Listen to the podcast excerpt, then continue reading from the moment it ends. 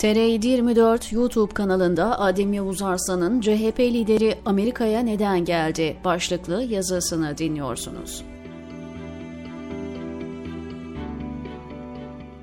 Cumhuriyet Halk Partisi lideri Kemal Kılıçdaroğlu beraberinde parti kurmayları ve bir grup gazeteciyle Amerika seyahatinde.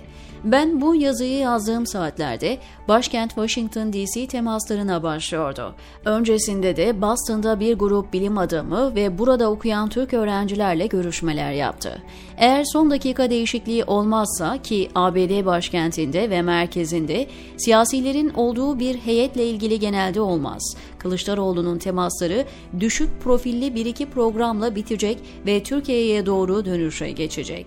Peki ama bu seyahat ne için yapıldı? Kılıçdaroğlu ABD'ye neden geldi ve ne buldu? Kemal Kılıçdaroğlu'nun seyahatini analiz etmeden önce normalde ne olmalıydığı anlatalım ki seyahati nereye oturtmak gerekir daha iyi anlaşılsın. Kemal Kılıçdaroğlu Türkiye gibi bir ülkenin ana muhalefet partisi lideri. Son yıllarda performansı giderek artıyor. Muhalefet partilerini bir araya toplayabilmiş ve önümüzdeki seçimde kuvvetle muhtemel aday olacak. Yani kim olduğu, ne dediği başta ABD olmak üzere birçok ülke için merak uyandırıyor. İktidar adayı bir siyasetçi ABD'ye özellikle de Washington DC'ye geliyorsa bu başlı başına bir anlam ifade eder. Sonuçta burası dünya siyasetinin de başkenti. Misafir siyasetçi hem Beyaz Saray hem Dışişleri hem de kongreden önemli isimlerle görüşür, açık kapalı toplantılar yapar. ABD medyasından önemli bir isme röportaj verir ve şehrin kalburüstü düşünce kuruluşlarından birinde konuşma yapar. Başta Yahudi lobisi olmak üzere ABD siyaseti üzerinde etkisi olan güç odaklarıyla görüşmeler yapılır. Nitekim Cumhurbaşkanı Erdoğan'ın daha AKP'yi kurduğu günlerden bu yana hiç aksatmadığı bir geleneğidir. Yahudi lobisiyle çok yakın olmak.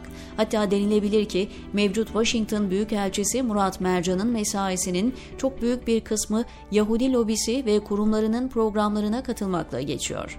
Türkiye gibi bir ülkede iktidar adayı bir siyasetçi merak uyandırır. Hele hele Rusya'nın Ukrayna işgali başta olmak üzere bölge ateş çemberine dönmüşken, yani Washington ziyareti bir nevi vitrine çıkmak gibidir. Peki CHP lideri ne yaptı? En başta seyahatin zamanlaması konusunda ciddi bir iletişim hatası olduğunu ifade etmek lazım. Çünkü ABD gündemi tamamen farklı.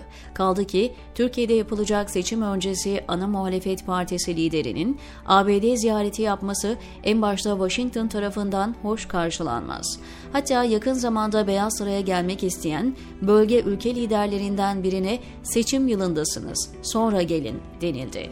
Kemal Kılıçdaroğlu ve heyeti bunu bilmiyor olamaz olamaz. Diyelim ki Washington'a böyle bir çalışma ziyareti yapılacak.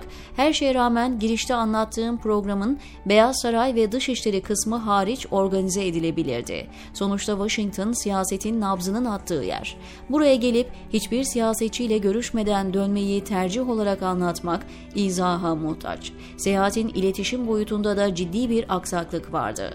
Zira Kılıçdaroğlu'nun seyahatine dair bilgiler hep çelişkili oldu. Mesela Senatör Bernie Sanders ile görüşüleceği açıklandı. Ancak daha sonra organizasyonu yapan Ömer Topsakal açıklama yaparak bu ismin gündemlerinde hiç olmadığını belirtti. Bu arada dikkat çekici bir şey daha yaşandı. CHP'nin ABD temsilcisi Yurter Özcan ziyarete dair hiçbir açıklama yapmadı, tweet atmadı. Kılıçdaroğlu Washington öncesi uğradığı Boston'da bilim insanlarıyla görüştü, MIT laboratuvarında fotoğraf verdi, öğrencilerle sohbet etti. Beraberindeki gazetecilerin aktardığına göre öğrencilere Türkiye'deki siyasi yasaklıların serbest kalacağını söylemiş. Gezinin genelinde olduğu gibi Washington DC ayağında da bir bilgi karmaşası var. Çünkü medyaya yansıyan detaylara göre Kılıçdaroğlu Washington Post'u ziyaret edip John Hopkins Üniversitesi Kuzey Afrika Orta Doğu Kulübü tarafından organize edilen bir toplantıda konuşacak. Ancak öğrenci kulübünün organize ettiği bu toplantı basına kapalı. Organizasyonu yapanlara RSVP yaptırmak için ulaştığımda basına kapalı bir toplantı. Gazeteciler alınmayacak cevabını aldım. Düşünün, ABD medyasıyla konuşmuyor, konuşamıyorsunuz. Şehirde yapacağınız tek konuşmada basına kapalı. Dahiyane bir fikir olduğu tartışma götürmez herhalde.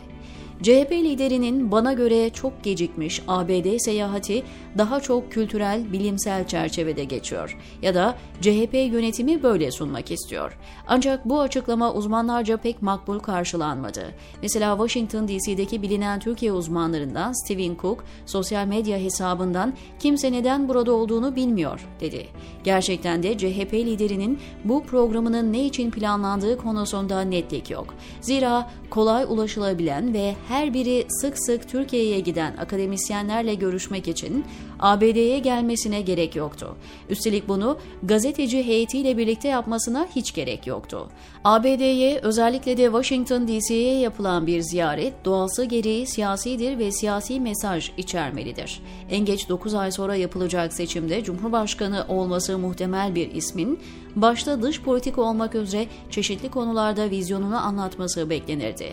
Ama CHP yönetimi siyasilerle görüşmeyi suçmuş gibi lanse etti. Tabii ki iktidarın icazet almaya gittiler ithamından çekinmiş olabilirler. Ama burada da temel bir açmazları var. Birincisi sarayın yönettiği aktrol Hilal Kaplan'ın tabiriyle Nuh'a köpeklik yapanlar zaten yalan yazacaklar. Nitekim yaptılar da. Yani ne yaparsanız yapın, havuz medyasının yalanları olacak. O yüzden başkası ne der korkusunu bırakıp kendi hedefine odaklanması gerekiyor. İkincisi, başta ABD olmak üzere dünyanın önde gelen güç odaklarına vizyonunuzu gösterme, anlatma imkanı varken bunu yapmıyorsunuz. Ayrıca bu gezinin muhalefete ne katkı sağlayacağı sorusu da cevapsız. Sonuç itibariyle CHP liderinin ABD seyahati bir ana muhalefet partisi liderinin siyasi dengeleri etkileyecek içerik ve vizyonundan uzaktı. Bu haliyle daha çok lise ve üniversite öğrencilerinin bilgi ve görgülerini artırmak için çıktıkları bir nevi okul gezisi olan Study Abroad denilebilir.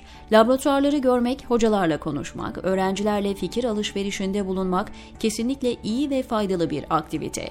Ancak unutmayın siz okul gezisinde olan bir öğrenci ya da akademisyen değil, iktidara talip bir muhalefet liderisiniz. Bana göre seyahatin en vurucu kısmı Boston sonrası New York'a uğrayıp Manhattan'da Erdoğan ailesinin yaptırdığı gökdelen önünde video çekmesiydi. Zira o gökdelen rejimin yolsuzluklarının sembolü. Sadece çalınan paraların izini süreceğim, hesabını soracağım deyip New York'a gitse ve o gökdelenin önünde açıklama yapsa daha etkili olurdu, diyor Adem Yavuz Arslan TR724'deki köşesinde.